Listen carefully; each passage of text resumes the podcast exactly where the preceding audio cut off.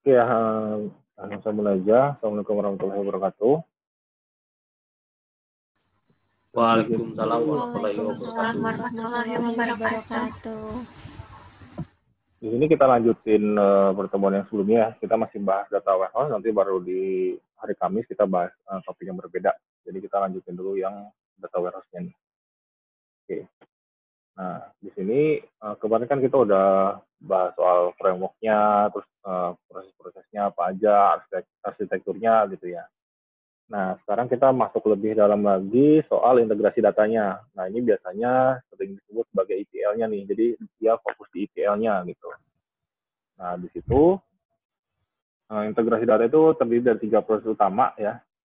Yang pertama itu mengizinkan data akses dari berbagai alat analisis ETL dan data warehouse. Jadi, eh, kita dikasih eh, berbagai, apa, berbagai macam akses ke beberapa data source gitu ya. Terus ada kemampuan untuk akses data, untuk mengakses data dan mengekstrak data dari sumber data yang ada, berarti yang dari beberapa data source yang kemarin.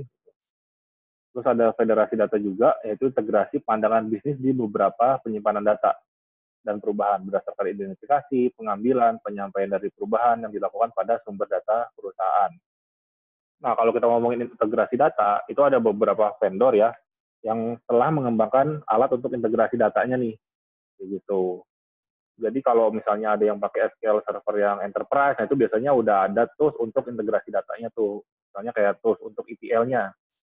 Eh, seingat saya di versi 2008 itu udah ada, cuma kalian harus install tools-nya terpisah. Jadi ada istilahnya tuh kalau di SQL Server ada ada SQL Server Business Intelligence Tools. Nanti kalian coba browsing deh. Kan kalian lagi belajar database administration ya.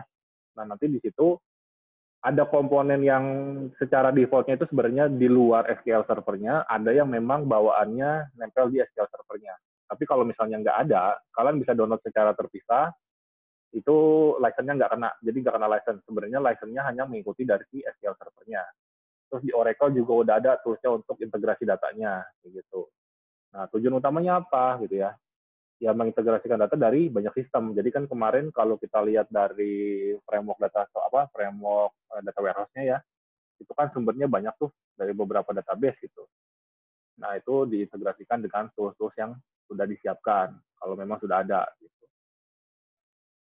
Nah, di sini ada beberapa teknologi yang memungkinkan adanya integrasi dan metadata gitu ya. Yang pertama ada Enterprise Application Integration, terus ada Service Oriented Architecture atau SOA, kalau yang sering main web services di Oracle itu Oracle biasanya pakai SOA ya.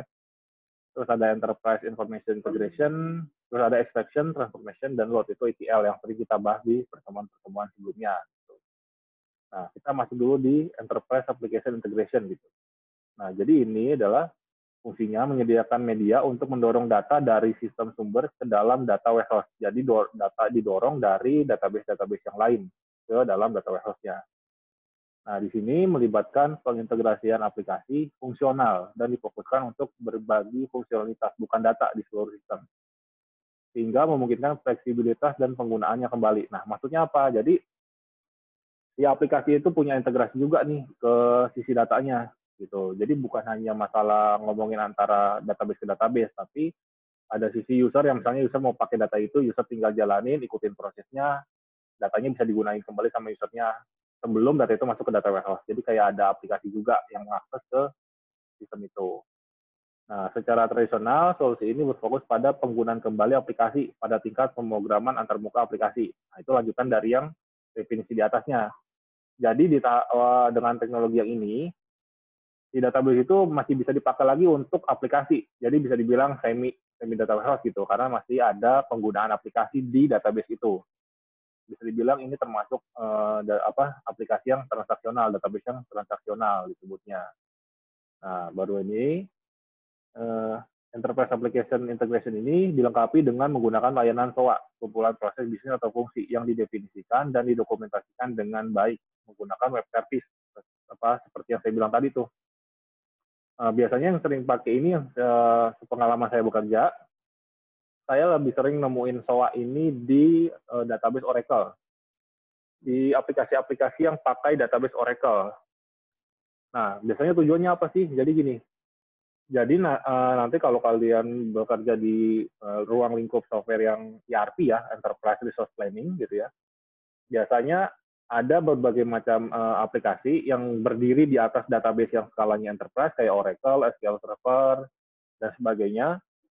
Biasanya si aplikasi itu dibuatin web service. Tujuannya apa? Biasanya tujuannya untuk mempersingkat uh, proses data warehouse-nya. Jadi dia bisa dibilang web service itu dibuat untuk keperluan fungsi-fungsi tertentu untuk diakses sama user. Jadi user tidak perlu membuat data warehouse untuk mengakses data sesuai keperluan yang mereka inginkan di data warehouse. Jadi untuk mengakali data warehouse secara uh, scope yang lebih kecil. Nah, biasanya ini formatnya saya ingat saya itu kalau SOA itu XML. Coba saya searchingin dulu deh. Uh, contoh dari SOA-nya gitu ya. Biar nanti kita bisa lihat dulu. Saya ganti dulu screen-nya.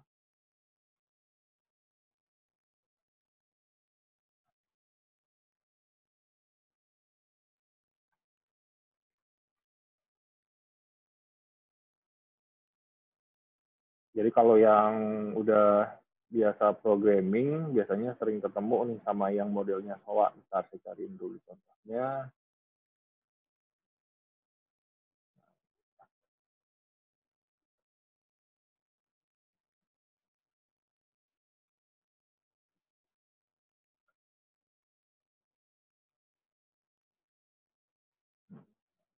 Ya,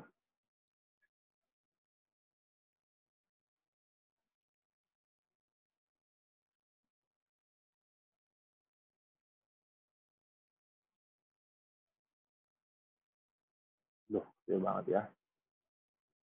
Hmm, mana?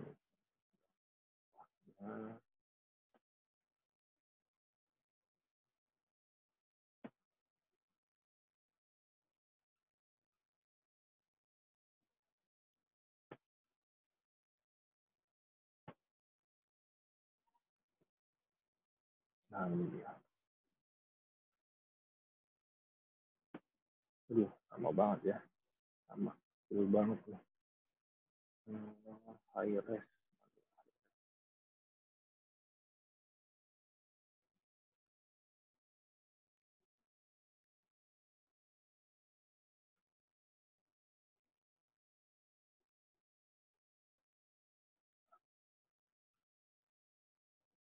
kita buka dari web Oracle-nya langsung deh. Karena biasanya yang pengetahuan saya yang sering pakai ini eh, Oracle dari dulu sampai sekarang mana ada contohnya enggak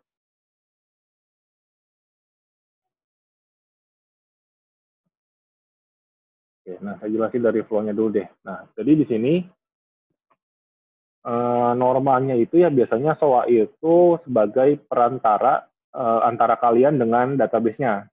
Kalau kalian ingat yang kemarin di data warehouse eh, arsitekturnya, kan di situ ada komponen API itu ya. Ada yang masih ingat nggak?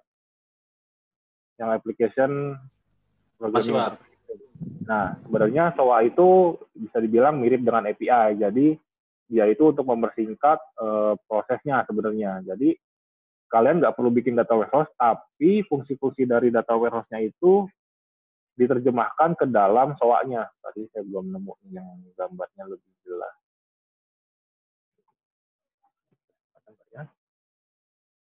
Soalnya sekarang itu ini udah jarang dipakai memang sekarang. Sekarang orang lebih prefer respon API-nya itu JSON rata-rata biasanya. Paling standar itu biasanya dalam bentuk JSON. Nah, tadi. Ya. Soal ini enggak enggak dapat yang high res-nya besar. Yang tadi.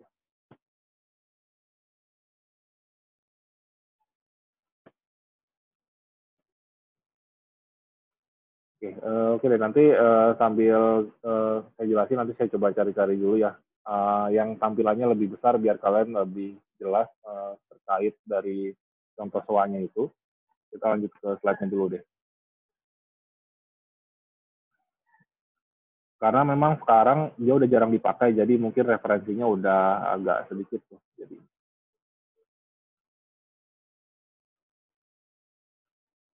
Oke, kita lanjutin dulu deh ya.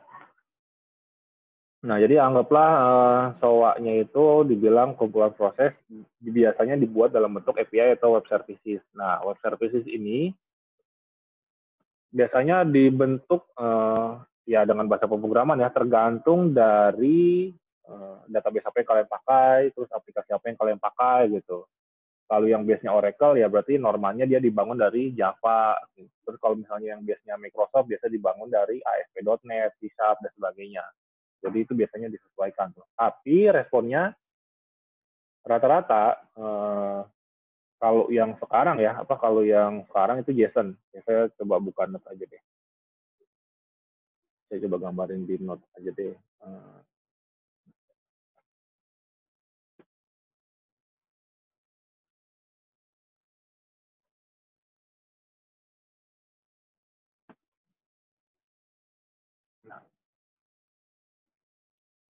Ya, saya coba gambarin di note aja deh, uh, biar lebih jelas. Nah, kalau misalnya tadi nih, uh, kelihatan kan ya layar Visual Studio Code saya ya? Kelihatan, Pak. Nah, kalau misalnya tadi apa uh, responnya SOA, biasanya dia contoh nih kita punya data misalnya customer gitu ya. Apa kode customer, terus terus ada namanya, Misalnya katakanlah ada alamat. Nah, kalau misalnya tadi responnya dalam bentuk SOA, biasanya dia dalam bentuk XML. Misalnya katakanlah ini customer, tag XML-nya kayak gini, customer, terus ada tag tutupnya, terus di bawah itu ada tag tutupnya juga biasanya, seperti ini. Nah, terus di dalamnya itu ada kode customer, biasanya kayak gini. Nah, terus value kode customer-nya apa? Misalnya katakanlah customer 001 saya besarin. Nah, ini deh. Tuh. Nah, terus berarti di sini tag tutup eh, XML-nya. Terus ada lagi lanjutannya, berarti di sini nama.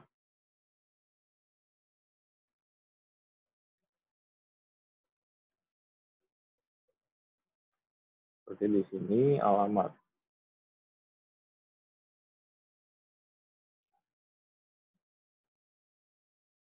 Kayak gitu. Nah, kalau misalnya datanya ada dua, ini biasanya ada lagi nih di bawahnya. Nah, seperti ini. Misalnya dua, ini misalnya katakanlah Andi. Nah, karena ini datanya banyak, biasanya sama dia dibungkus lagi. Misalnya katakanlah list customer. Nah, kayak gitu. Biasanya dia hierarkinya kalau dia bentuknya SOA itu kayak gini. Nah, kayak gitu. Nah, kayak gini.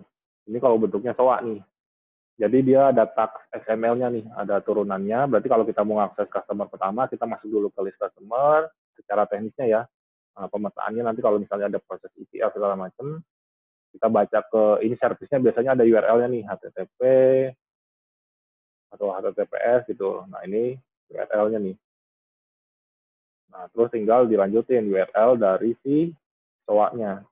Nah, kurang lebih kayak gitu. Jadi nanti kalian akses ini, nanti dapat responnya seperti ini. Nah, ini yang kalian terjemahin untuk disimpan di data warehouse kalian atau bahkan langsung ditampilkan ke dalam reporting atau sebagainya. Nah, sekarang eh, orang lebih cenderung, lebih sering ya pakai JSON. Jadi misalnya katakanlah karena lebih universal gitu. Misalnya katakanlah ini URL JSON-nya gitu. Nah, kalau JSON tinggal bentuk array kayak gini. Jadi misalnya kalau ada list customer berarti di situ ada di sini ya list customer. Berarti di sini ada indeksnya kayak gitu. Nah, di sini tinggal ada listnya nih. Apa di situ isinya? Array lagi kan. Terus ada array 1, array 2. Nah, misalnya ini tadi apa tuh? Kode customer ya. Nah, misalnya nilainya apa gitu. Misalnya tadi uh, Budi gitu ya, kode customer customer 01. Terus nama Budi ini alamat. alamat kunci. Nah, berarti bawahnya tinggal di isi juga isinya sama nih. Nah, kayak gini.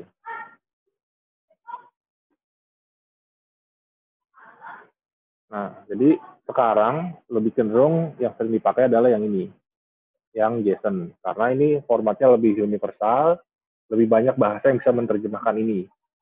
Gitu. Kalau yang ini, eh, beberapa bahasa bisa langsung dipakai, jadi URL-nya langsung diakses, langsung bisa dipakai untuk diterjemahkan datanya, tapi ada beberapa bahasa pemrograman yang harus uh, menginstal plugin tambahan untuk bisa menerjemahkan ini di proses ETL-nya. Kalau misalnya kalian ngoding dapat API seperti ini, terus diminta untuk bikin dashboard atau apa atau langsung diterjemahkan ke data warehouse.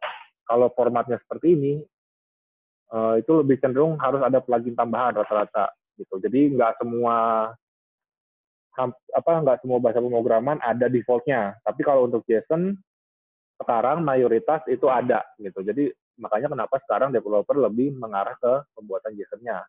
Bahkan Firebase pun udah dalam bentuk JSON gitu. Nah, kurang lebih kayak gitu gambarannya. Oke. Uh, sebenarnya ini, ini teknis banget ya, tapi memang uh, kalian harus paham juga karena kan sumber dari data warehouse-nya tidak selalu dalam bentuk database tuh. Tapi ada juga sumber data warehouse-nya dalam bentuk URL seperti ini. Jadi kalian harus, harus akses URL-nya untuk diterjemahkan ke dalam data warehouse-nya. Oke, sampai sini dulu deh. Ada yang mau tanya dulu nggak?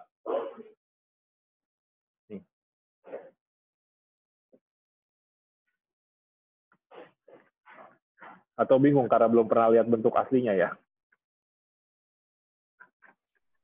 Iya Pak, biasanya saya ngelihatnya API-nya doang sih. Lihat API-nya tapi nggak nggak pernah dicoba untuk diintegrasikan ya karena emang belum belum dikasih job desk-nya ya. Bagaimana nggak? Uh, enggak sih saya di kalau di kantor itu biasanya aplikasinya itu dia udah berbasis API bus pak. Jadi saya biasanya merhatiin API-nya aja. Kalau ada anomali biasanya saya cuma inisial API-nya mana yang dipakai yang bermasalah mana. Nah itu yang kita tanyain sih biasanya Oh, berarti memang udah ada dari itu ya dari terpati API-nya apa gitu. Kalau nggak jalan ya. Iya, betul. Nah, ya jadi uh, kayak gini nih. Uh, jadi sekarang orang cenderung ke sini. Tapi kalau misalnya di kantor kalian pakainya Oracle, setahu saya ya, uh, sejauh ini Oracle masih formatnya seperti ini nih. Jadi memang agak agak apa ya namanya? Kalau menurut saya pribadi sih agak PR ya, tapi nggak tahu mungkin nah, nah, di keluaran Oracle yang versi terbaru dia udah support JSON juga kali. Sejauh ini sih selama saya bekerja saya belum nemuin karena mungkin lebih banyak pegang ke Microsoft-nya. Tapi ininya eh, gambarannya kalian bakal nemuin yang modelnya XML, ada juga yang modelnya JSON. Dan bahkan sekarang udah udah banyak format juga sih ya untuk uh, data-data seperti ini. Jadi nanti kalian coba cari tahu aja ada apa berbagai macam sumber data yang bukan database bentuknya. Bahkan Google pun ya, uh, kalau kalian pernah lihat Firebase, Firebase-nya bentuknya JSON seperti ini sebenarnya. Gitu. Terus MongoDB kalau kalian pernah buka database-nya, MongoDB itu basisnya adalah NoSQL, jadi dia nggak ber, apa, berbentuk database, tapi berbentuk uh, JSON seperti ini, string JSON seperti ini. Jadi kalau ada yang pernah install gitu. Jadi uh, kalau dulu mungkin kita bisa bilang database itu sistemnya RDBMS, semuanya ada baris, ada kolom. Kalau sekarang ada yang sifatnya NoSQL. Nanti kalian coba cari tahu deh. NoSQL itu sebenarnya kayak gimana gitu. Tapi bentuknya saya kasih gambaran kurang lebih seperti ini. Gitu. Oke, kita lanjut dulu deh di slide-nya ya. Nah, ini. Oke, uh, selanjutnya ada Enterprise Information Integration ya. Jadi uh, alat yang berkembang menjanjikan integrasi data real time dari berbagai sumber data, database re relasional, web services, dan database multidimensional. Nah, tadi kan ada database relasi, web service, sama multidimensi-multidimensi ini biasanya yang berrelasi ya, ada normalisasinya kompleks gitu. Terus uh, mekanisme untuk menarik data dari sistem sumber untuk memenuhi permintaan informasi. Nah, biasanya alat ini menggunakan metadata yang telah ditetapkan untuk menghasilkan view yang membuat data terintegrasi muncul secara relasional ke pengguna akhir. Uh, ada yang tahu nggak view apa? Atau apa kalian udah tahu semua? Atau masih ada yang belum tahu sama sekali view itu apa?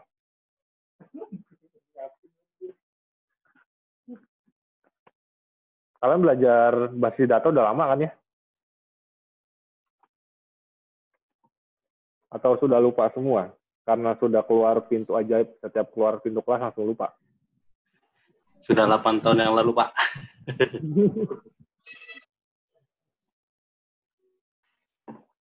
yang lain gimana?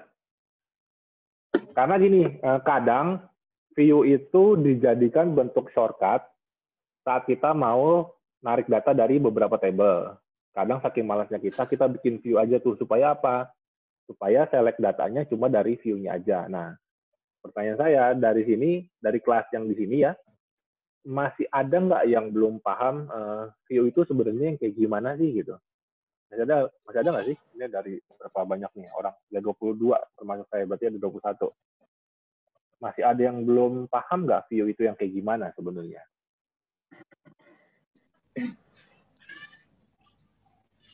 Kayak shortcut gitu ya. bukan Pak?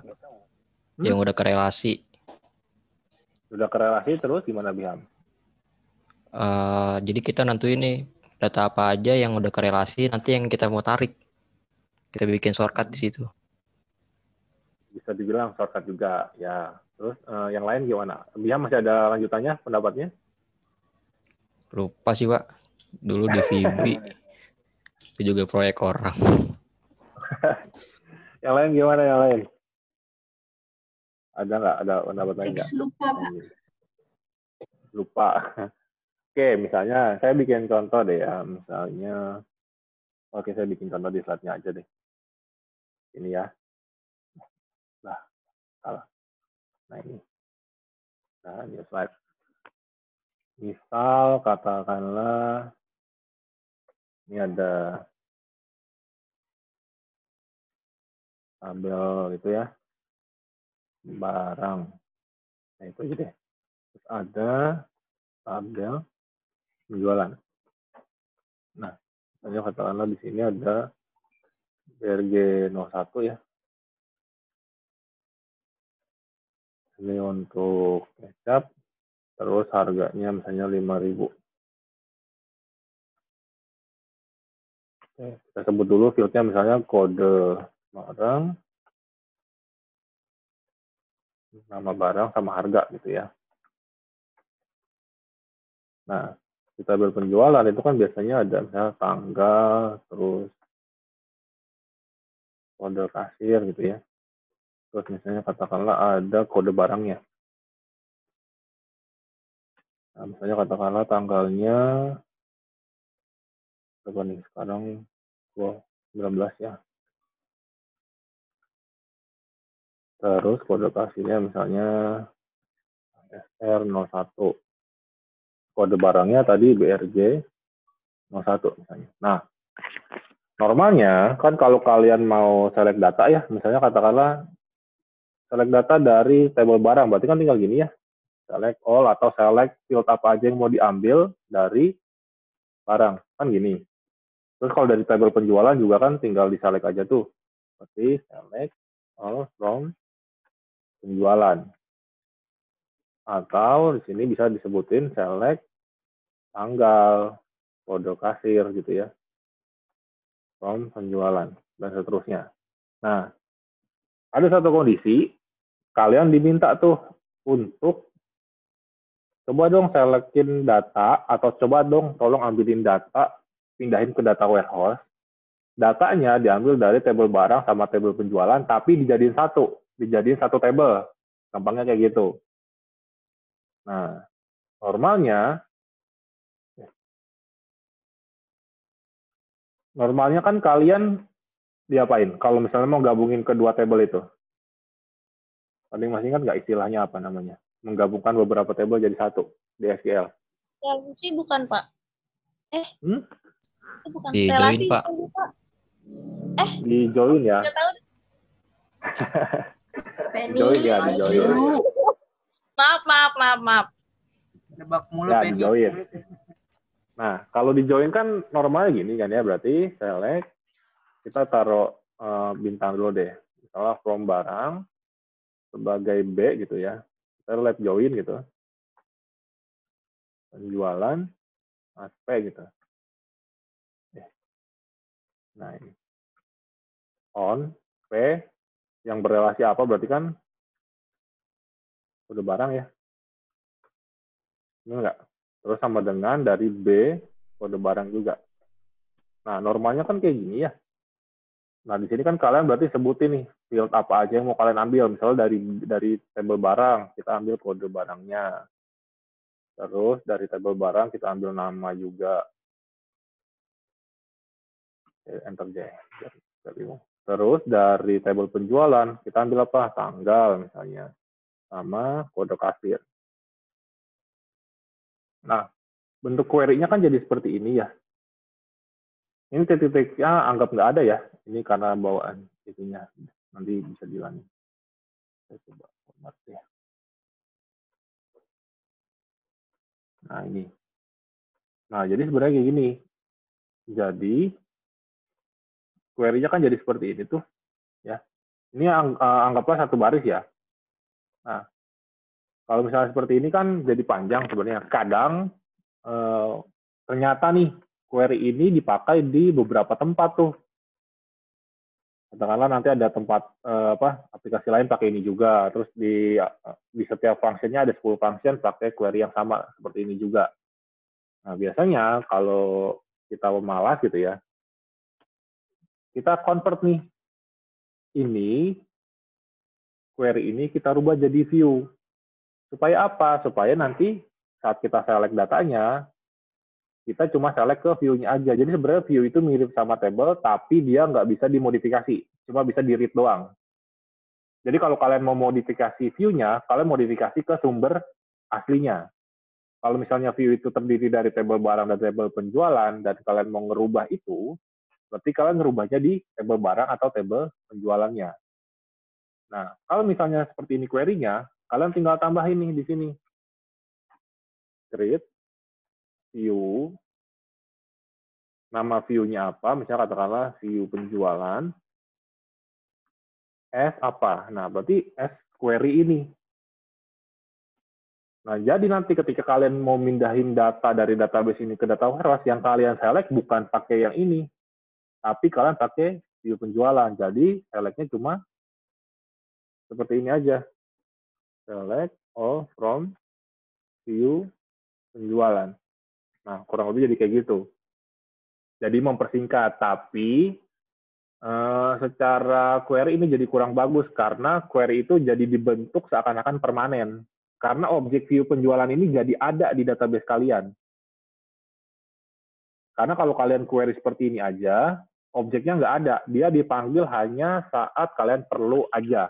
Tapi saat kalian create jadi view-nya, eh, di database kalian itu muncul objek baru dengan nama view penjualan di data table-nya. Makanya kalian bisa select ke sini, tapi dia hanya bersifat read aja. Kalau kalian mau ngerubah datanya, katakanlah, saya mau ngerubah harga barangnya nih. Nah, kalian ngerubahnya nggak bisa di view penjualan ini. Tapi langsung di table barangnya. Nah, biasanya kayak gitu tuh. Eh, kalau misalnya kita mau ngakalin, ah malas eh bikin query-nya. Eh, kayaknya panjang deh query-nya. Ya udah saya bikin dulu query-nya panjang, Terus saya jadiin view, supaya nanti begitu saya mau manggil, saya nggak ngetik ini lagi. Saya hanya ngetik view-nya aja. Gitu. Jadi itu buat alternatif juga buat apa supaya nyelek datanya lebih cepat. Oke, sampai sini dulu deh. Masih ada yang bingung nggak? Karena ini salah satu trik ya, salah satu trik untuk uh, mempersingkat query kalian sebenarnya. Tapi mungkin uh, harus dilihat juga seberapa banyak data atau seberapa panjang query ini yang kalian gabungkan kayak gitu. Tapi lebih efektifan mana Pak? Membuat query-nya atau langsung codingan yang semua itu? Kalau kita memper, tergantung ya. Kalau kita lihat dari segi performance, lebih baik pakai query normalnya, jangan dibikin view. Tapi kalau ya apa kalau misalnya kita agak malas gitu ya dan secara data kita lihat oh kayaknya datanya dikit ya kita bikin view juga nggak apa-apa gitu jadi sebenarnya dikembalikan lagi ke masalahnya seperti apa ya karena semakin banyak data yang kalian join di sini nih CPU itu akan semakin berat. Dan dia dibentuk objek permanen. Dalam artian berarti kan ada objek baru tuh di database kalian. Ya kalau ada objek baru berarti jadi tambah berat gitu seakan-akan. Ya ibaratnya gini deh. Kalian saya suruh bawa barang satu. Ini deh kita ambil dari dua ini ya. Misalnya saya minta kalian bawa barang dua. Tabel barang dan tabel penjualan. Awalnya dua nih. Database-nya kalian tuh. Tapi kalian bikin nih view-nya di mana sebenarnya view itu adalah sebenarnya tabel barang dan tabel penjualan juga tapi karena kalian buat itu, jadi seakan-akan yang kalian bawa itu jadi ada tiga. Nah, jadi kan e, bebannya bertambah tuh ke si servernya gitu. Apalagi kalau misalnya view yang udah jadi ini kalian joinin lagi dengan table yang lain. Itu bisa lebih berat lagi sebenarnya. Gitu. Jadi e, kalau kalau saya pribadi lebih baik ya udah bikin query aja seperti ini. Memang agak PR karena memang kalian harus sering uh, paham query-nya ya. Kalau yang nggak paham kan, kalau misalnya join lagi nih kan tinggal ditambahin lagi di sini. Let join, label A, misalnya kayak gitu. Terus kalau ada where ya tinggal where, where-nya dari mana? Misalnya katakanlah where B sama dengan where kode barang sama dengan misalnya katakanlah misalnya kayak gini n dari P tanggal sama dengan kita ambil tanggal 19 2020. Nah, kayak gitu. Karena ini udah semakin kompleks. Tapi ya better yang seperti ini. Karena objeknya nggak dibentuk di database kalian. Query ini hanya dipanggil saat kalian perlu aja. Tapi kalau view ini kalian buat, query itu udah dipanggil duluan dan udah dibentuk menjadi objek yang beneran ada. Secara beban ya pasti lebih lebih berat ke server karena view ini kan istilahnya dia langsung select ke table ini. Padahal kalian belum tentu pakai table ini kan. Tapi karena view-nya udah dibuat, di mana view itu membaca table ini, ya berarti ada proses di situ sebenarnya. Padahal kalian belum perlu. Tapi ketika pakai query normal seperti ini kan, kalian hanya panggil saat kalian perlu aja. Kayak gitu ilustrasinya. Oke, ada yang mau tanya lagi nggak? Berarti view itu kayak objek yang menyimpan hasil query-nya ya, Pak? Iya, betul.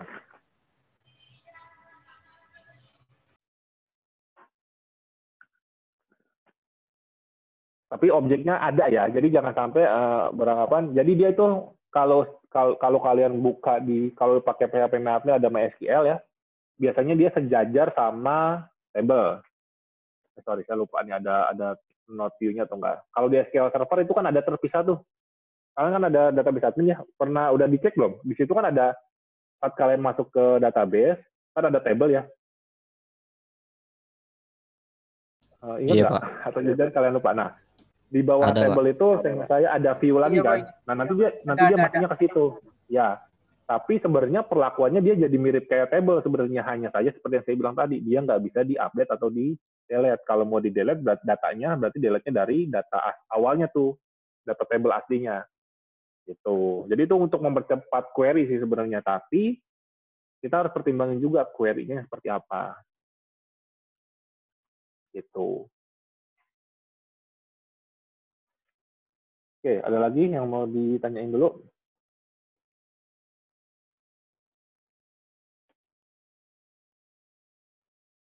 Karena kalau kita ngomongin database ya, sebenarnya banyak hal yang harus kita perhatikan. Jadi saat kita bikin query, nggak sekedar bikin query, saat kita bikin tipe data, nggak sekedar bikin tipe data, karena itu pengaruh ke data warehouse-nya juga nanti.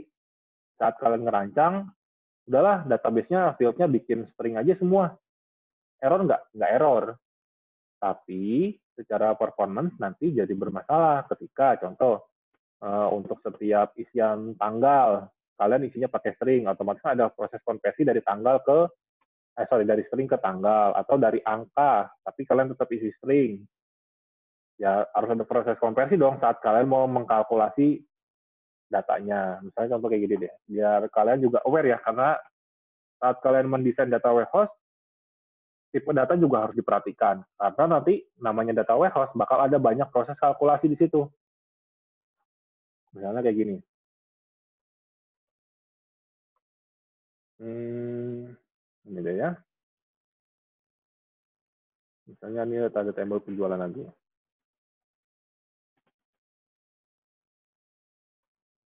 insert table ya. Nah, wah, sekali. Ini deh. Misalnya tadi fieldnya ada tanggal, terus ada kasir gitu ya, terus ada total penjualan misalnya mungkin terus ada diskon kalau misalnya ada diskon. Nah misalnya kalau di sini saya buat parcer atau string ya ini nggak nggak masalah sebenarnya. Secara data dia akan tetap masuk di data warehouse kalian. Misalnya kalian mendesain data warehouse untuk table penjualan gitu ya. Kalian bikin tipe datanya seperti ini nih nah seperti ini dan misalnya katakanlah contoh datanya tadi tuh, contoh datanya adalah misalnya di sini itu 19, 10, 2020 untuk tanggal. Terus kita ini dipisahin kasirnya misalnya Maya gitu ya. Terus misalnya total penjualannya 200 ribu. Diskonnya 20 ribu. Nah, misalnya kayak gitu kalau kalian bikin tipe data di data warehouse kalian itu semuanya parcar, data ini akan tetap masuk. Tapi nanti ketika ada data baru di sini, gitu ya, ini deh, nah, tanggal 20 ada transaksi lagi dilakukan oleh Maya, ini, nah misalnya kayak gitu. Nah, saat kalian simpan dalam parcar, berarti kan nanti data ini tersimpannya nggak seperti ini sebenarnya. Jadi seperti ini.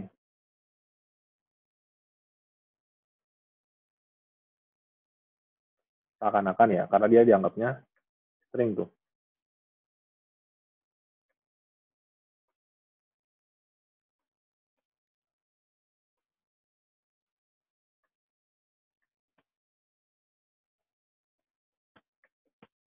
Nah, jadi seperti ini yang masuk ke dalam data warehouse kalian. Nah, terus misalnya, kalian diminta, coba dong tolong summary-in total penjualan. Kan normalnya kalau kalian query kan gini, select, sum, total penjualan ya. Nah, coba kan yang di sum ini adalah sebenarnya numerik tuh. Benar nggak? Nah, tapi karena di sininya bukan numerik, di total penjualan ini harus dikonvert dulu tuh Eh, syukur-syukur uh, ada uh, database atau bahasa pemrograman yang bisa langsung mengkonvert itu ketika dia formatnya sesuai. Jadi misalnya kayak kalau kayak PHP ya, bahasa pemrograman PHP, ketika dia nemu 20 ribu seperti ini, dia uh, bisa ngecek ini sebenarnya angka atau bukan. Nah, cuma kan apakah kita bisa menjamin semua tools yang ada ini bisa membaca seperti itu? Kayak gitu maksudnya. Jadi ketika toolsnya tidak bisa membaca apa tidak bisa membedakan mana string mana angka, ya berarti dari tugas kita harus mendesain database yang benar-benar sesuai dengan peruntukannya supaya nanti begitu ada permintaan yang kompleks, database-nya sebenarnya sudah bisa mengakomodir itu dari sisi manajemennya kayak gitu. Nah kalau misalnya kayak gini, anggaplah ini uh, tools yang kalian pakai nggak bisa mengkonversi ini nih, dia dianggap string. Nah, kalau kalian jumlahin ini ya bakal error nih. Uh, anggaplah itu dia tidak bisa ya, tapi beberapa terus bisa. Jadi kita harus lihat dulu toolsnya juga. Kayak gitu. Tapi alangkah lebih baiknya kita sudah mempersiapkan itu sesuai dengan tipe data yang seharusnya. Kayak gitu. Jadi ini pengaruh juga nih ke desain data warehouse kalian. Karena nanti ketika kalian membuat data warehouse, tabelnya kalian yang desain, tipe datanya kalian yang desain, normalisasinya kalian yang desain, kayak gitu. Jadi ketika ini tidak sesuai, ya nanti di depan tidak akan ada masalah. Kenapa? Karena datanya masuk ke data warehouse ya, sekali lagi. Datanya masuk ke data warehouse kalian. Tapi ketika kalian mau proses kalkulasi, penjumlahan, pembagian, dan seterusnya, yang bersifat angka contohnya, contoh sederhananya, dan, tapi kalian simpannya dalam bentuk string seperti ini, Nah, itu ada proses yang ditambah di warehouse kalian. Jadi, di total penjualan ini, harus kalian cache dulu. Saya lupa ada penulisannya, tapi dia harus di cache dulu sebagai apa? Sebagai numerik.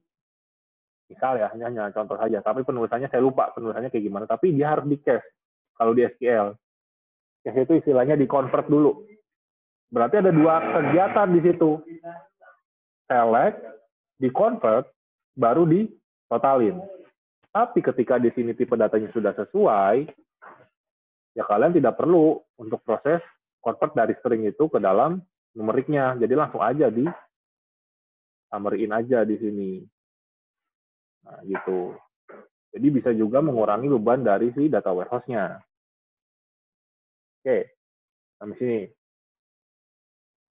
Ada yang masih bingung nggak betapa apa betapa pentingnya desain desain kita di dalam data warehouse ini?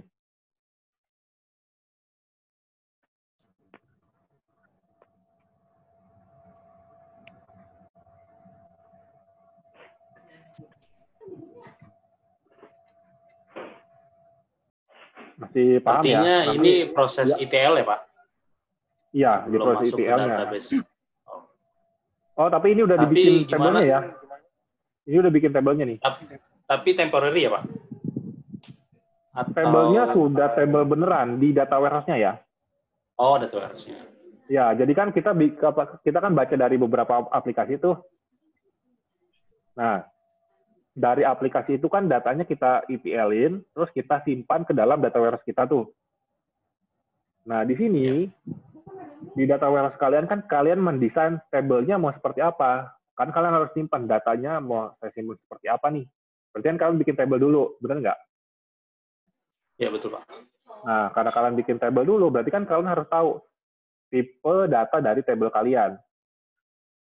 Nah, ini saya kasih gambaran, kalau misalnya tipe datanya sembarang, misalnya katakanlah varchar, varchar kan dianggapnya string semua ya, jadi sebenarnya semua input apa pun itu bisa masuk ke dia, karena dianggapnya string aja gitu kan. Nah, data warehouse-nya nerima nggak? Nerima tabelnya. Tapi, ketika kalian mau proses data dari data warehouse kalian, ketika formatnya tidak sesuai, berarti kalian harus lakukan konversi dulu, seperti yang saya ilustrasi tadi. Kalau dia misalnya angkanya string, berarti kan kalian harus convert string itu ke dalam angka dulu, baru kalian bisa totalin, kurangin, summary, dan sebagainya. Kayak gitu. Tapi ketika kita sudah mendesain table yang benar untuk data warehouse-nya, ya prosesnya kita tidak perlu lakukan konversi, langsung aja kita kalkulasiin, kita kurangin dan sebagainya, kayak gitu. Itu untuk sisi yang tipe datanya numerik aja ya. Tapi kalau misalnya tanggal ya sama, tanggal apakah semua format tanggal seperti ini? Kan enggak juga kan? Kan ada juga Iya, yang format Pak. tanggalnya seperti ini kan. Nah, ketika kalian tipe datanya string, begini masuk nih. Tapi ketika kalian tipe datanya date, kalian merhatiin nggak kalau date formatnya seperti apa di SQL Server deh? Yang disimpan di database, formatnya seperti apa? Ada yang ingat nggak? Oh, nggak salah bul eh apa tahun bulan tanggal atau Ada yang masih ingat nggak? nah, jadi bapak yang kayak gitu, yang kayak gitu-gitu tuh terkesan sepele ya, datanya masuk, pindah kok datanya. Tapi ketika dijalanin, lah kok nggak bisa pindah ya gitu. Apa maksudnya kok error? Ya karena memang format ini tidak sesuai. Nah, setahu saya hampir semua database itu formatnya kalau eh, tidak salah ya, yang selama saya bekerja, dia tahun dulu. Terus dia strip, tahun bulan tanggal baru Nah, time ya pak baru tanggal. Nah, kalau ada time-nya berarti H, baru time saya lupa nih, HM. sebutannya apa tuh? HM M ya? HMS Nah, Ya. kayak gini. Nah, berarti kalian harus ikutin for apa? Jadi ketika kalian dia string dan kalian isi dalam format seperti ini, dia akan terima. Ya karena dia string. Tapi ketika kalian format apa tipe datanya tanggal, kalian isi seperti ini, dia akan menolak. Ya karena ini nggak sesuai formatnya loh. Gitu. Nah, jadi des- desain ini juga berpengaruh sama bagaimana nanti kalian mengelola output dari si data warehouse-nya. Kayak gitu. Nah, kalau misalnya seperti ini, contoh, mungkin ini ke, ke, ke apa, ini aja udah ngajarin, misalnya kayak gini deh. Nah, kalian tahu dari mana bulannya itu di tengah atau yang di depan? Bulannya itu yang 20 atau yang 10? secara sistem. Kan ada juga tuh, kalau kalian lihat di Excel kan ada juga orang yang kadang, ah saya nggak nyaman deh dengan format eh, tanggal bulan tahun, saya maunya seperti ini.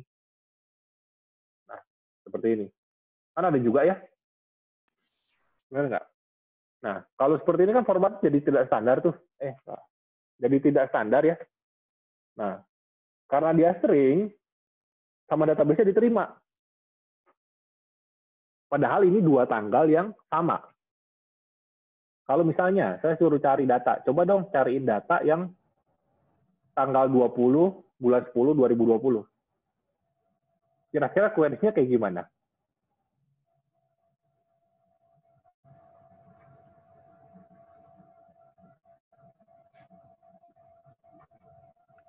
Kan kalau query normalnya kan gini ya. Select all from penjualan, where tanggal, sama dengan kan gini. Tinggal sebutin kan tahun dulu, 10, 20. Dapat dia semua. Tapi ketika kalian isinya sering dan isinya seperti ini, padahal ini dua data yang sama, kira-kira datanya masuk nggak? Enggak, Pak.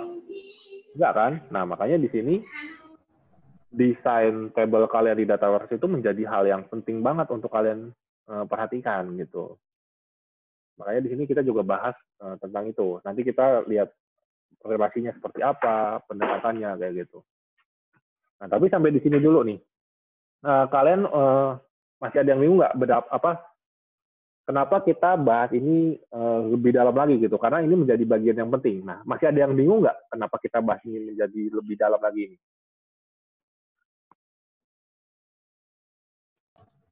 Masih, Pak. Penny bingung di mana?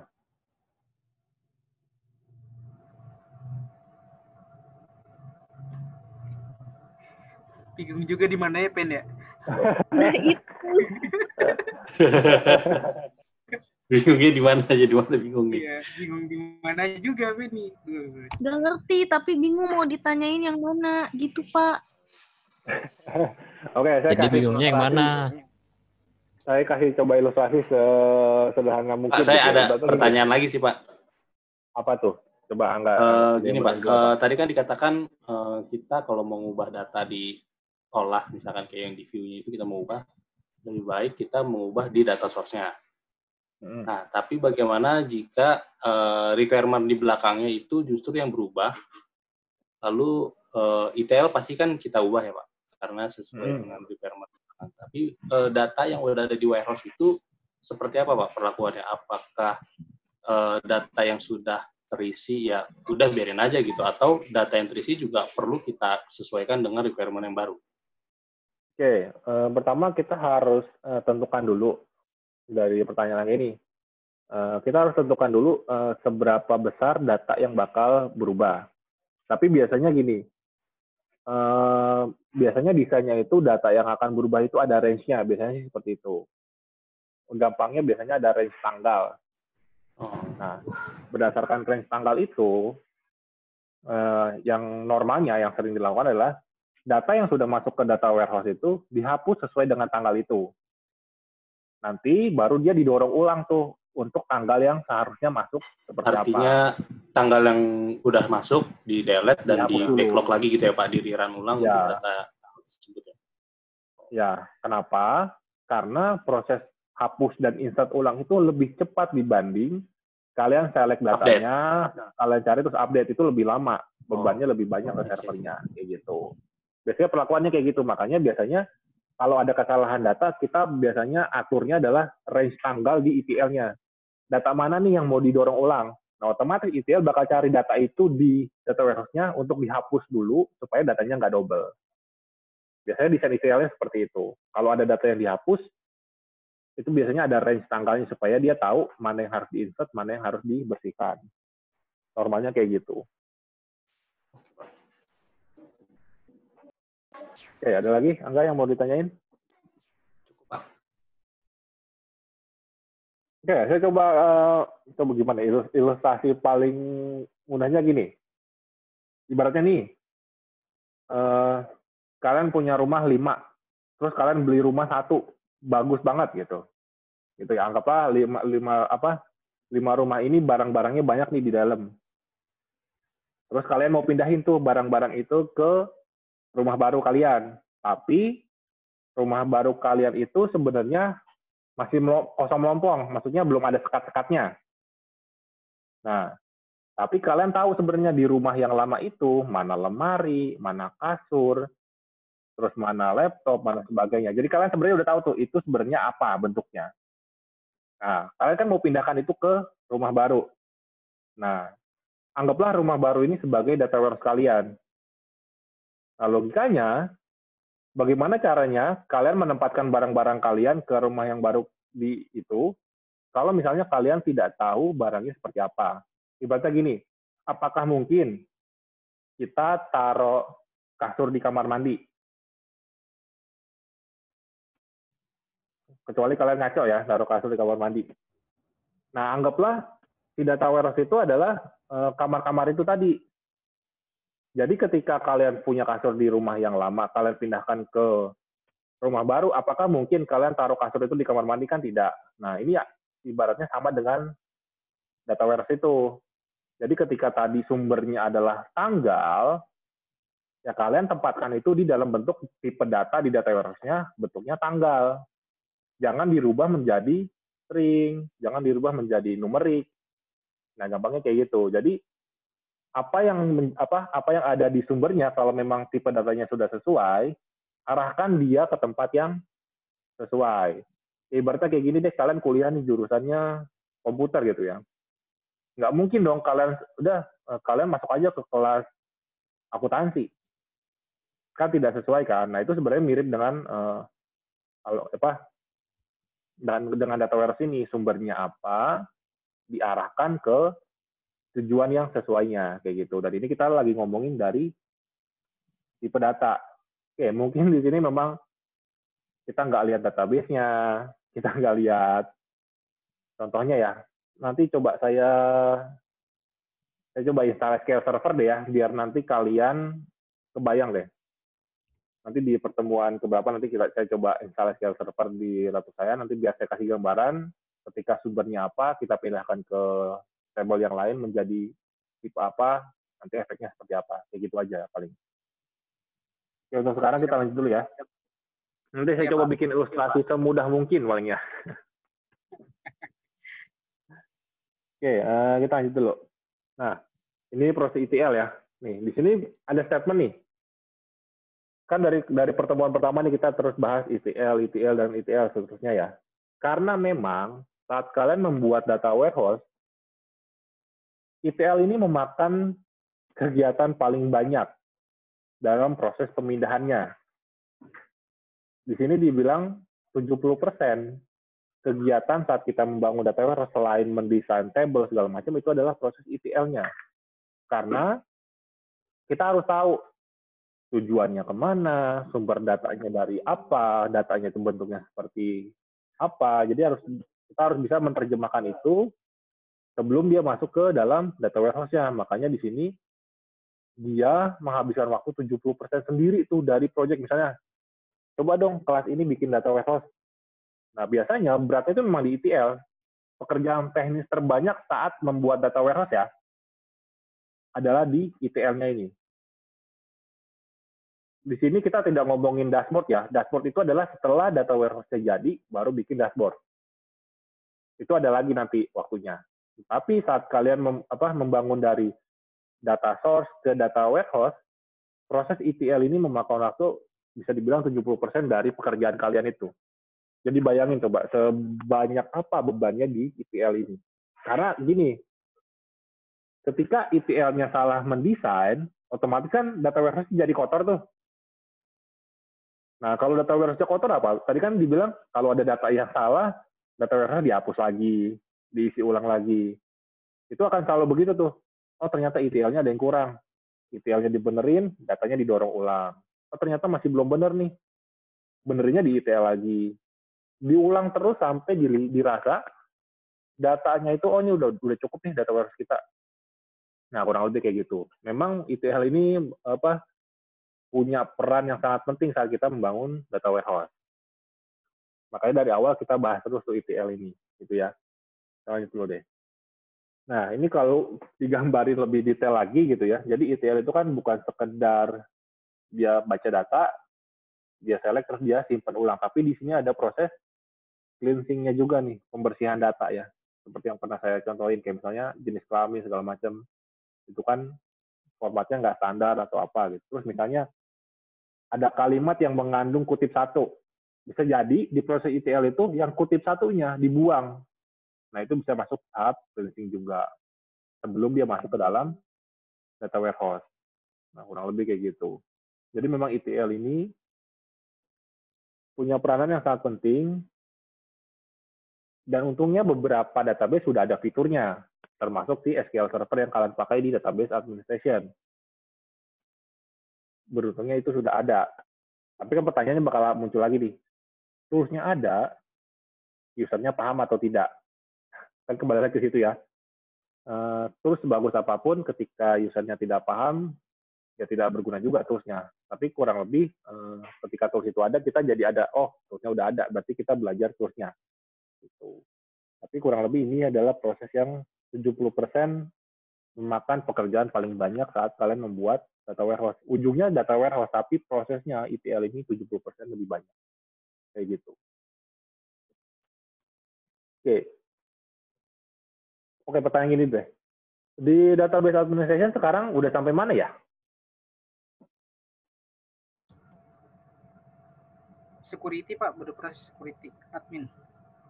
Bikin itu ya, berarti user role ya, segala macam ya? Iya, benar. Berarti query sama itu ya berarti ya, baru query sama bikin user ya? Iya Pak, benar. Uh, ada itunya nggak sih? Ada silabusnya nggak sih? Mungkin nanti uh, silabusnya coba dikasih ke saya. Mungkin saya bisa ambil contoh yang mendekati ke arah situ kali ya. Maksudnya bikin contoh untuk uh, terkait data warehouse. Nanti uh, setelah itu ya, nanti paling saya coba apa WhatsApp saya kalau memang ada silabusnya nanti coba saya bikin contoh sedekat mungkin dengan silabus yang ada di situ. Paling kayak gitu sih ya. Sekarang kita lanjut dulu deh. Nah ini ya, eh, kalau kita jabarin lebih detail lagi, ETL itu membaca data dari satu atau lebih database, ya sumbernya banyak, terus mengubah data yang diekstraksi dari bentuk sebelumnya menjadi bentuk yang diperlukan, sehingga dapat ditempatkan ke dalam data warehouse. Terus ETL itu juga memasukkan data ke dalam data warehouse, ya pasti itu ya. Terus transformasi terjadi dengan menggunakan aturan atau table lookup, atau dengan menggabungkan data dengan data lainnya. Contoh gini, untuk kalau menggabungkan data dengan data lainnya, contohnya kayak gini. Misalnya, ada dua field nih. Jadi deh, saya bikin ya. Nah, nama depan sama nama belakang. Secara field seperti ini nih. Bisa jadi di ETL-nya, ini jadinya full name atau nama lengkap di data warehouse-nya. Bisa aja, karena kalian, oh udah nggak usah dipecah lah, oh nama-nama juga. Jadi saat dia dikonversi ke dalam data warehouse, dia yang awalnya di fieldnya nama depan, nama belakang, dirubah menjadi satu field yang isinya nama lengkap. Bisa juga kayak gitu. Nah, ini bisa dibilang ini nih, transformasi. Jadi dia yang awalnya dua field bisa dirubah jadi satu field. Nah, kurang lebih kayak gitu. Terus tujuan utama apa tujuan dari ETL itu mengisi data warehouse dengan data yang terintegrasi dan bersih itu. Kembali lagi ya, datanya sudah bersih. Jadi ketika oh datanya udah oke okay belum nih? Masih ada yang aneh nih kayaknya. Diulang lagi ETL-nya sampai ETL-nya benar. Terus data yang digunakan dalam proses ETL dapat berasal dari sumber mana pun ya, seperti yang kita bahas di sebelum-sebelumnya. Bisa dari aplikasi, flat file, atau ada Excel, TXT gitu ya. Nah, terus pertanyaan saya gini, kira-kira menurut kalian nih, ETL ini nanti prosesnya kalian jalanin manual tiap hari atau seperti apa? Eh, menurut logika kalian, kira-kira nanti ETL-nya ini berjalannya seperti apa? Kan ini eh, datanya banyak tuh ya. Menurut kalian kira-kira nanti ETL itu berjalannya manual, kalian coba apa setiap hari kalian klik, jalan, klik biaran lagi atau seperti apa baiknya menurut kalian secara pakai cron pak pakai cron oke anda bilang cron pakai cron Jadi ditentuin mau satu jam atau sehari sekali. Biasanya sih yang udah otomatis-otomatis yang dikedepankan sih Pak. Iya, Pak. Oke. Yang lain ada jawaban yang berbeda dengan Angga atau ikutin Angga semua? Sama Pak. Sama, Pak. Karena otomatis itu lebih baik. Iya. Nah, ya itu cron bisa jadi salah satunya. Nah, terus pertanyaannya pasti cron apaan ya, Pak? Kan pasti saya, saya yakin di sini Iya, pasti ada betul. yang baru pikir cron itu apa, Pak gitu kan. Iya, Pak. Apa, Pak? Oke, sebenarnya kita lihat dulu ya. Eh, cron itu sebenarnya kayak apa ya? Kayak eh, schedule otomatis gitu ya. Jadi ada kayak objek Scheduler. yang tugasnya untuk menjalankan perintah otomatis sesuai yang kalian tentukan. Contoh misalnya, eh, anggaplah cron ini si A gitu ya. A, besok apa tiap hari kamu jam 7 pagi itu nyapu ya. Nah, cronnya itu nyapu tuh tiap hari gitu. Selama dia tidak dimatikan. Jadi kayak otomatis gitu. Nah, itu ada juga dari kalau di SQL Server itu itu ada namanya agent. Nggak tahu kalian enggak nggak setiap kalian lihat SQL Server itu itu selalu servisnya ada dua tuh di Windows Services. Ada SQL Server yang servisesnya sama ada SQL Server agent. Nah, agentnya si SQL Server itu bisa dibilang mirip dengan cron sebenarnya. Nah, kalau di SQL Server, dia bisa jalan lewat cron, untuk uh, schedule-nya. Berarti kalau lewat cron berarti kalian tentukan script jalaninya itu apa dikasih tahu ke cron-nya. Tapi kalau lewat scheduler nanti kalian bisa setting tuh drag and drop di SQL agent-nya. Nanti dia bakal jalan otomatis tuh ETL-nya sesuai dengan waktu yang kalian tentukan. Gitu. Jadi benar ya Pak, ETL itu mohon maaf nih ya Pak. Bentukannya kayak gimana ya Pak? saya ada nggak ya bentukannya ya Nah, coba saya cariin uh, screenshotannya agent dulu ya. Jadi, Iya, Pak. Baik, Pak. soalnya saya belum install nih SQL Server.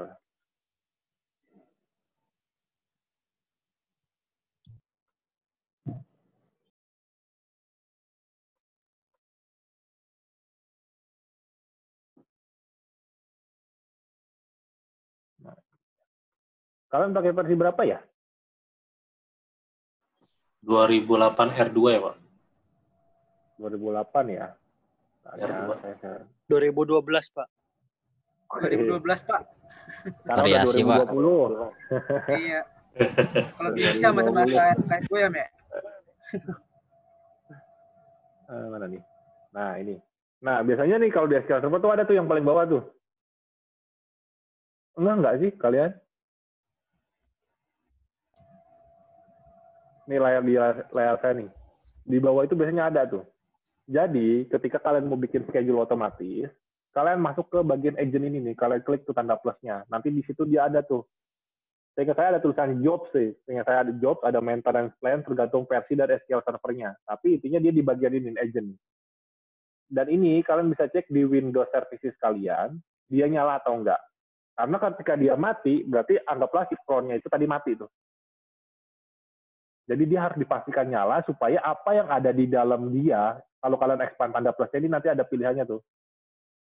Kalian mau bikin perintah otomatis apa? Kayak gitu. Nanti dia bisa dijalanin. Nanti deh, saya coba nginstal dulu deh, biar kalian lebih enak aja. Tapi intinya dia di sini. Kalau di SQL Server, dia bikinnya di sini. Kalau masuk ke SQL Server agent-nya, kalian bikin scheduler di situ. Nanti dia jalannya di situ. Termasuk uh, ETL tadi ya. Jadi sebenarnya uh, scheduler ini bisa buat macam-macam ya. Tergantung dari fungsinya sih database itu sendiri. Kalau SQL Server, kalian bisa pakai itu untuk bikin backup otomatis, ngapus file otomatis, insert data segala macam. Jadi banyak ya sebenarnya fungsinya. Tapi untuk yang jalanin otomatisnya ada di sini. Gitu. Jadi ketika service agent mati apa service agent ini mati, task otomatisnya itu tidak akan berjalan. Biasanya ada lognya. Kalau di Windows ada Windows log biasanya. Mungkin kalian jarang lihat, tapi sebenarnya ketika ada sesuatu masalah di komputer kalian, contoh nih, kalian install SQL Server, tiba-tiba gagal. Sebenarnya laptop kalian itu ngasih tahu atau komputer kalian itu ngasih tahu ada di Windows log-nya sebenarnya. Kalian bisa cek di situ. Ini nanti saya coba install ya, nanti biar kalian ada gambaran. Karena saya harus download dulu SQL servernya nih, yang Express-nya. Oke, lanjut dulu deh ya. Nanti uh, satu atau dua pertemuan berikutnya deh baru nanti kita bahas. Saya coba install dulu. Oke, saya lanjut dulu deh. Nah, ini lanjutannya ya. Jadi, proses ETL itu adalah proses migrasi data ke data warehouse yang melibatkan ekstraksi data dari semua sumber yang relevan. Ini masih mirip dengan sebelumnya, sumber data terdiri dari file yang diambil dari database, OLTP, spreadsheet, dan lain-lain. Biasanya nih, biasanya semua file input itu ditulis ke satu set table staging yang dirancang untuk memudahkan proses pemuatan. Nah, sebenarnya gini, uh, ini ada ini adalah salah satu pendekatan lagi ya. Jadi normalnya kan gini. Saya coba gambarin lagi deh. Nih. Normalnya itu ini ada database A, ya. Database B, database C. Terus di sini ada katakanlah ETL-nya nih. Terus di sini ada data warehouse. Nah, normalnya kan seperti ini ya. Dari database A, B, C, datanya didorong ke ETL ini, baru dia didorong lagi ke data warehouse. Tapi juga ada pendekatan yang lain sebelum dia masuk ke data warehouse, dia dimasukin dulu ke table staging. Seperti ini. Jadi nanti sebenarnya ini eh. Nah, dari sini anggaplah gitu ya.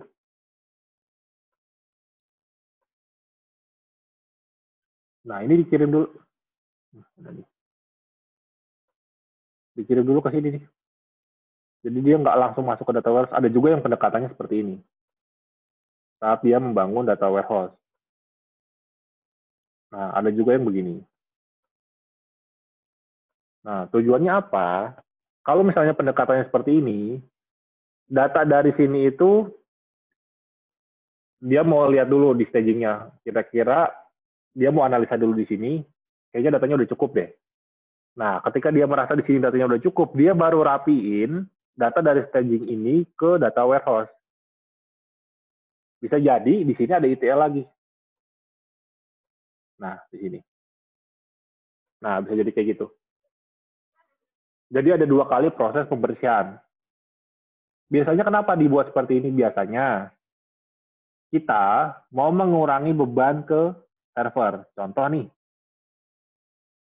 katakanlah ya, normalnya kalau kita pakai flow normal database ETL data warehouse di sini katakanlah ada tak satu, tak dua,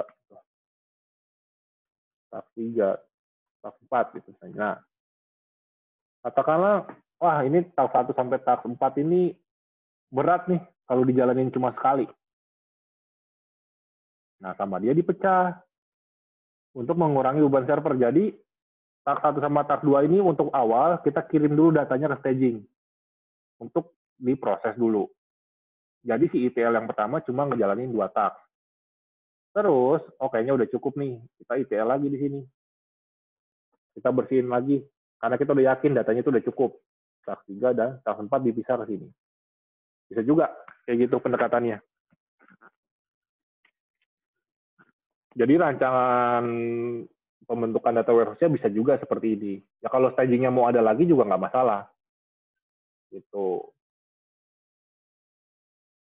Nah, tapi semakin banyak staging, semakin banyak juga resource yang harus kalian siapin. Kenapa? Karena datanya otomatis dari database ini pindah dulu ke database staging. Dari database staging, datanya di copy lagi ke database data warehouse. Jadi dua tuh prosesnya. Kalau stagingnya hanya satu. Tapi kalau stagingnya ada lagi ya kalian tinggal hitung aja. Tapi secara proses dia jadi lebih ringan karena yang harusnya empat pekerjaan di ETL yang pertama, kalian pecah menjadi dua proses di tempat yang berbeda. Uh, kembali lagi ya, ini semua bergantung sama situasi dan kondisi di lapangan. Seberapa kompleks datanya, seberapa kuat servernya kalian, tapi ujung-ujungnya pasti lari ke situ. Servernya kuat atau enggak, database-nya ada space-nya atau enggak, kayak gitu. Jadi banyak sih pendekatannya. Oke, terkait ini, ada yang mau tanya dulu nggak?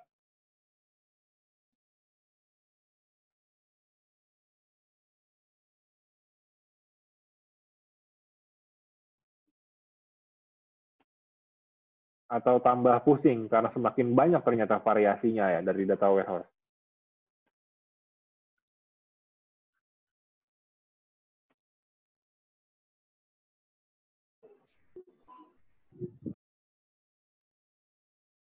Gimana? Sudah sudah mau muntah semua? Sudah gimana? Sudah pusing seperti Pak. ya, tapi memang ya memang seperti itu aktualnya di lapangan. Jadi eh, seperti biasa ya kalau yang udah pernah saya ajarin, saya selalu eh, kiblatnya adalah ke industri kita. Jadi sebisa mungkin saya kasih gambaran itu supaya eh, kalian juga oh ternyata industri itu seperti itu gitu. Jadi supaya motivasinya jadi lebih banyak aja ketika merasa oh ternyata masih jauh banget nih dari industri gitu. Tapi memang kenyataannya uh, seperti itu ya. Uh, berarti kan kalian bisa ngebayang gimana perusahaan yang sekelas Gojek, Tokopedia, Bukalapak dan sebagainya memang datanya setiap hari masuknya banyak banget. Bagaimana mereka membuat data warehouse mereka gitu ya kurang lebih ya gambarannya jadi eh, sederhananya seperti ini gitu.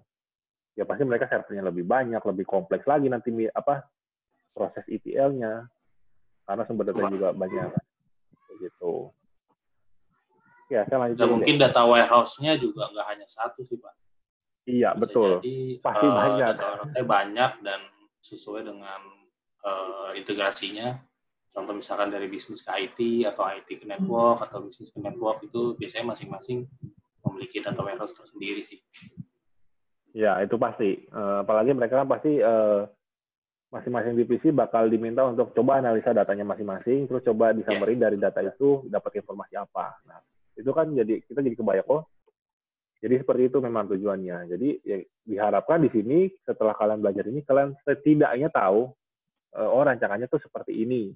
Jadi nanti ketika kalian ngobrolin data warehouse, apaan itu ya? Bentuknya kayak gimana sih gitu. Nah minimal tahu dulu. Karena memang saya yakin kalau uh, yang memang uh, umurnya masih banyak yang fresh gitu segala macam itu dan memang basicnya belum bekerja di IT ya, ini kalian nggak akan pernah ketemu dulu di awal-awal, kecuali memang kalian nekat banget gitu. Karena memang ini uh, ranahnya memang sudah jauh gitu ya tapi kalau memang ada itu ya ada yang punya kesempatan untuk ke arah sini ya lebih bagus di awal-awal kalian masih kuliah seperti ini. Kayak gitu. Barangkali kan uh, ada yang kalau saran saya oh gini deh sambil itu intermezzo aja. Jadi kalau kalian mau ketemu hal yang seperti ini sering bekerjalah di kantor konsultan IT sering banget pasti ketemu. Itu aja ya. Jadi kalau mau sering ketemu, bekerjalah di kantor konsultan IT. Itu bakal sering ketemu. Masalahnya juga akan tambah banyak karena memang sering ketemu hal yang kayak gini. Kantor konsultan juga mungkin uh, cari karyawan yang berpengalaman, Pak. Nggak mungkin yang langsung fresh graduate, langsung masuk gitu.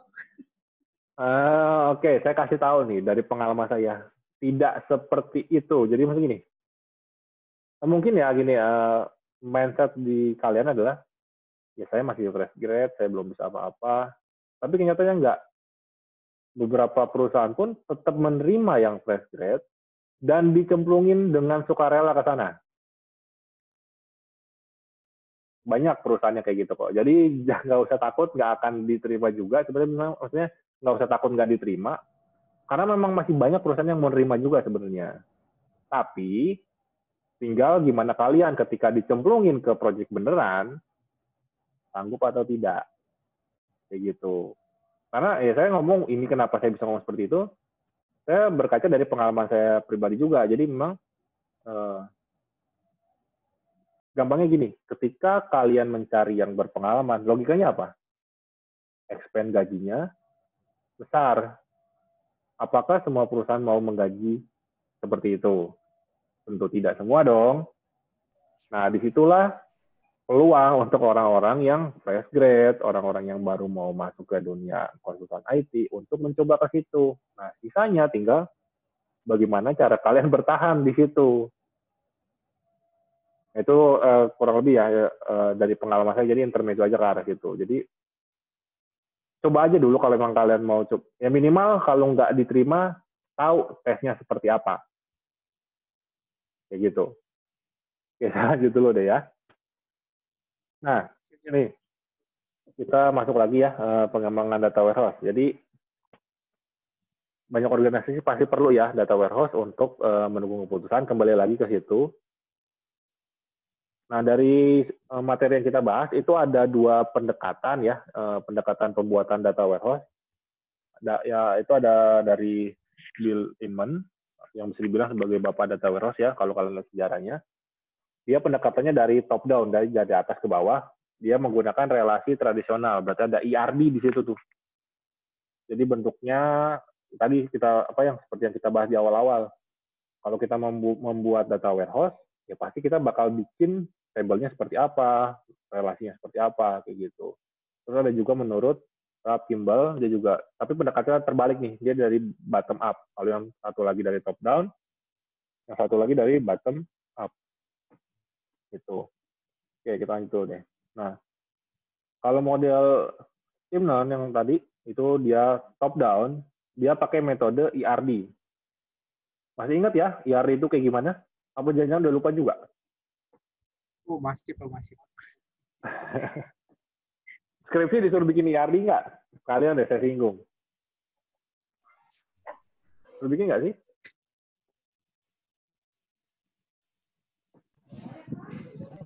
Bikin harusnya, Pak. Bikin pasti, Pak. Harusnya ya. Ya. Oke, nah harusnya. kalau pendekatan ini ya paling paling umum ya kita bikin IRD. Cuma kenyataannya ya eh, memang jeleknya kita eh, beberapa orang itu data warehouse diminta dibuat dibuat. Jeleknya orang kita adalah eh, yang saya sering alami ya. Mungkin di tempat lain bisa lebih profesional juga dokumennya tidak ada biasanya. Kenapa? Ada yang bisa jawab nggak? Jadi contoh nih, kalian diminta bikin data warehouse. Data warehouse-nya jadi, tapi dokumen desainnya tidak ada. Kira-kira menurut kalian, apa yang menyebabkan itu yang sering terjadi di kita? Atau gini deh, kalian ngerjain tugas nih, tugasnya selesai, tapi sebenarnya tugas itu ada lampiran-lampirannya, tapi lampirannya nggak ada, nggak kalian buat. Kenapa biasanya? Ada yang bisa jawab nggak? Pertama, resource mungkin resource-nya nggak ada, atau yang kedua, karena fokusnya lebih ke arah developnya ya, Pak? Ya, betul.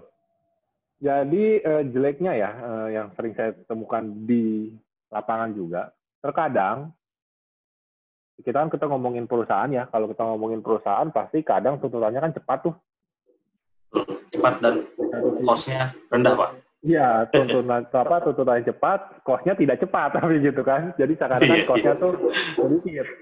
Nah, normalnya ketika kalian melakukan itu, idealnya adalah kalian bikin normalisasi dulu, kalian bikin rancangan arsitekturnya dulu.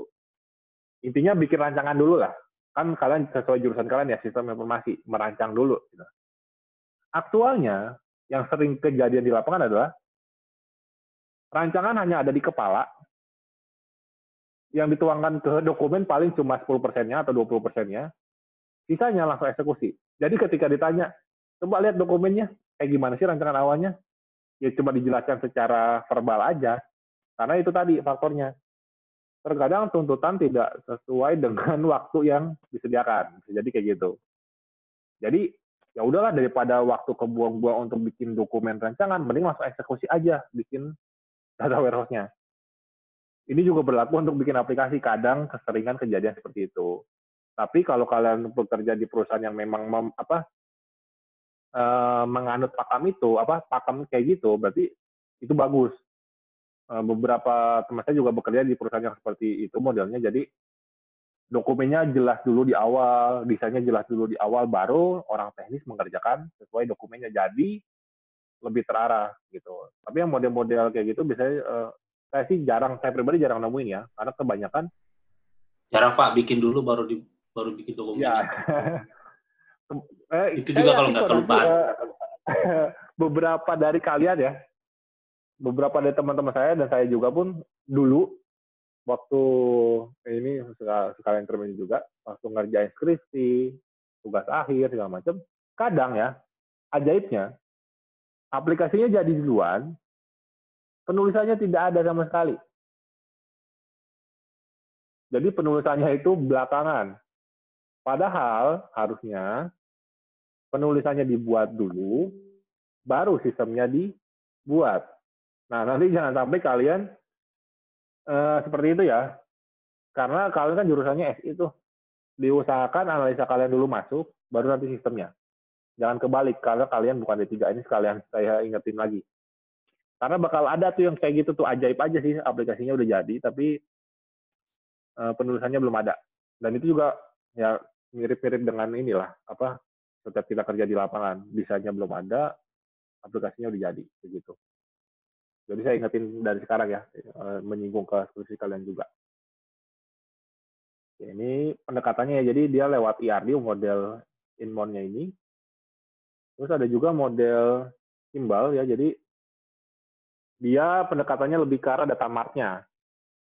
Jadi kalau model Kimball itu eh, data website dipecah menjadi data mart yang kecil-kecil tuh kemarin, misalnya database eh, untuk finance, terus misalnya untuk HR, HRD gitu untuk purchasing dan sebagainya. Jadi pendekatannya beda. Kalau yang tadi si Inmon, pendekatan dia adalah rancangannya dibentuk ke dalam ERD. Eh, summary-nya gampangnya gitu ya. Kalau model yang Kimball dia dipecah-pecah ke dalam bentuk yang lebih kecil ke dalam bentuk data mart. Nah, kurang lebih kayak gitu. Nah, terus di data warehouse juga ada yang dibilang multidimensional. Gampangnya ini adalah relasi gitu. Nah, kurang lebih gambarnya kayak begini. Udah sering lihat ya harusnya ya. Makanya dari tadi saya singgung udah di awal, desain tabelnya harus sesuai, tipe datanya harus sesuai, baru nanti kita ngomongin relasinya seperti apa. Kayak gitu. Karena ini menjadi dasar bagaimana cara kalian memprogram ETL kalian untuk menginsert ke table yang mana. Kayak gitu. Jadi jangan sampai salah kamar untuk insert data ke masing-masing table di data warehouse-nya. Nah, kurang lebih kayak gitu. Oke, lanjut dulu deh. Nah, jadi sebenarnya itu ada dua ya, star schema sama snowflake. Nah, gambarnya itu adalah yang ini. Kalau star schema, dia normalisasinya itu lebih sedikit. Maksudnya lebih sedikit gimana, Pak? Jadi contohnya gini. Eh, kita pakai contoh yang tabel penjualan tadi ya. Misalnya di penjualan itu kan ada informasi produk, ada informasi kasir gitu kan. Terus kalau misalnya di produk ada informasi kategori, bener nggak? Kan produk misalnya ada kategorinya tuh makanan, minuman, dan sebagainya. Nah, kalau pakai metode StarChem, produk dan produk kategori itu bisa jadi dijadikan satu. Dia tidak dipecah lagi. Contohnya gini deh, saya bikin itu. Misalnya gini. Hmm, mana ya? Nah. Misalnya katakanlah tadi ada informasi penjualan nih. Ini kan terdiri dari barang gitu ya. Terus di barang ini kan sebenarnya ada kategori ya. Nah, di sini ada kasir. Nah, kalau misalnya dia pendekatannya yang star scam di sini, si kategori ini digabung nih di desain data warehouse-nya, masukin ke sini. Jadi seakan-akan ini dan ini tuh jadi satu table. Kayak gitu. Makanya dia lebih terfokus ke table yang tengah ini nih. Jadi yang uh, sekelilingnya itu lebih di, apa digabung datanya. Nah, tapi ketika kita pakai skema yang Snowflake di sini, ini dipisah jadi table yang turunannya lagi kayak gitu bahkan dari kategori pun mungkin diturunin lagi nih jadi apa kategori jadi lebih detail lagi jadi tergantung ya ini pendekatan ini eh, apa namanya bisa dibilang plus minus tergantung dari kasus di lapangan kembali lagi ketika kalian merasa desain yang start camp ini sudah cukup untuk memenuhi kebutuhan kalian misalnya katakanlah apa datanya belum terlalu banyak kok ya udah kalian cukup bikin seperti ini tapi ketika bilang, Pak, data saya sudah banyak banget ini. Kalau saya jadiin satu table, nanti banyak data yang redundan. Ya udah, berarti kalian normalisasi sebaik mungkin supaya data yang redundan itu terkurang, apa ber, berkurang intensitasnya gitu. Jadi lebih sedikit yang redundan. Uh, mungkin ini kalian agak agak bingung dan jarang uh, kebayang ya, karena memang saya yakin kok karena di uh, mayoritas ya kalau yang apa kalian jarang melihat data yang banyak. Kalaupun kalian melihat data yang banyak, itu biasanya dalam bentuk aplikasi, benar ya? Rata-rata kan dalam bentuk aplikasi nih, buka aplikasi, lihat data dari aplikasi. Jarang yang melihat dari database. Nah, biasanya kalau kalian sering melihat dari database, kalian akan sering menemukan yang ini nih. Diminta untuk optimasi, table ini masih berat nih. Coba dinormalisasi lagi, masih banyak yang redundant. Biasanya sih kayak gitu. Nah, ini tinggal disesuaikan dengan pendekatannya kalian nyamannya seperti apa dan e, kondisi di lapangannya itu yang paling relevan itu seperti apa di tempat kalian bekerja kayak gitu. Oke, e, untuk materi data warehouse sebenarnya itu udah kita bahas banget semuanya. Saya rasa cukup nih, udah selesai untuk materi data warehouse-nya. Nah, sekarang kita coba masuk ke tanya jawab aja. Oke, ada yang mau tanya dulu nggak terkait data warehouse-nya nih? E, kita masuk ke dari pertemuan ketiga dan keempat dari dua pertemuan itu ada yang mau tanya nggak? Kita masih ada waktu 20 menit lagi.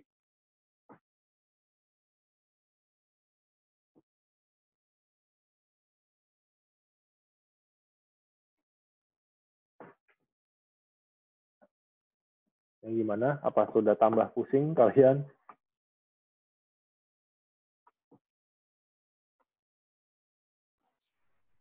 Dari saya cukup, Pak. Oke, dari Angga. Soalnya dari tadi Angga terus yang nanya ya. Buka wawasan aja, Pak. Yang lain gimana nih? Yang lain nggak itu kan nggak cabut online ya? Nggak, Pak, nggak. Bingung Pak mau nanya apa? Ya, uh, saya yakin nih, ini, kan. karena memang gini, uh, Agak saya pun dulu sedikit kaget mengalami, gitu, Pak. Iya pasti. Karena saya pun dulu mengalami pas uh, saya baru lulus kuliah terus tiba-tiba langsung ketemu. Makanya waktu itu saya kerja di kantor konsultan memang. Karena tujuannya memang untuk cari pengalaman yang kayak gini. Hmm, karena kalau kalian uh, ini hanya opini pribadi saja ya. Jadi ketika kalian bekerja uh, di luar yang konsultan katakanlah kop kalian hanya akan pada job desk kalian aja tuh misalnya contoh Pak saya masuk ke perusahaan A nih, saya jadi IT support, ya udah hanya itu yang akan kalian kerjakan. Nah, tapi ketika kalian masuk ke IT konsultan di mana ya itu kan konsultan ya, kalian yang diminta untuk memberikan saran untuk klien kalian tuh.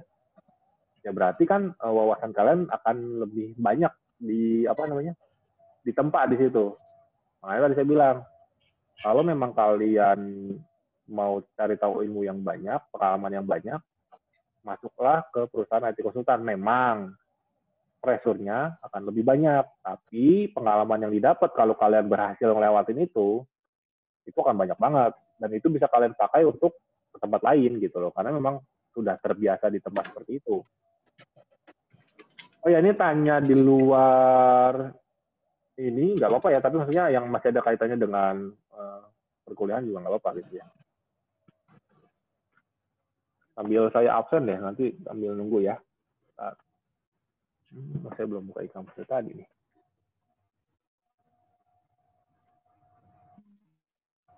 Uh, paling mau nanya gini sih Pak. Kepikiran uh, data dari sebuah dashboard. Misalkan uh, dashboard itu ya dibuat berdasarkan kebutuhan dari beberapa reporting ya apakah data yang tersedia di server itu bisa dikatakan sebagai data warehouse, Pak?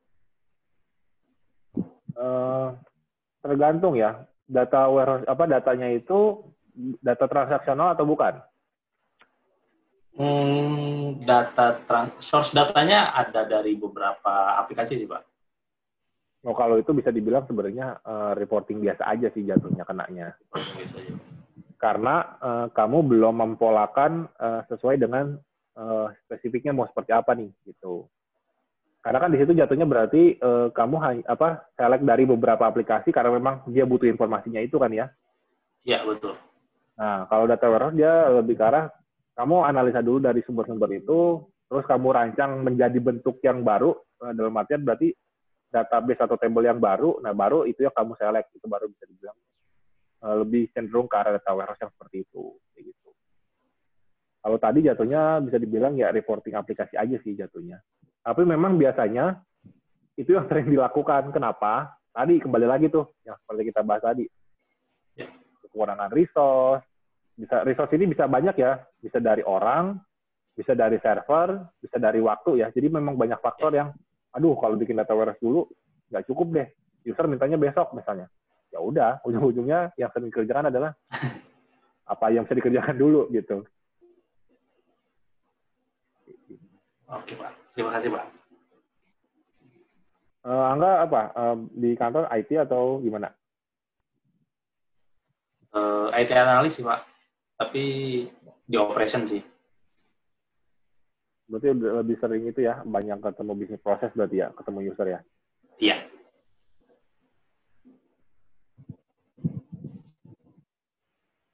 Hmm, tanggal berapa sih ini? 19 ya? Hmm.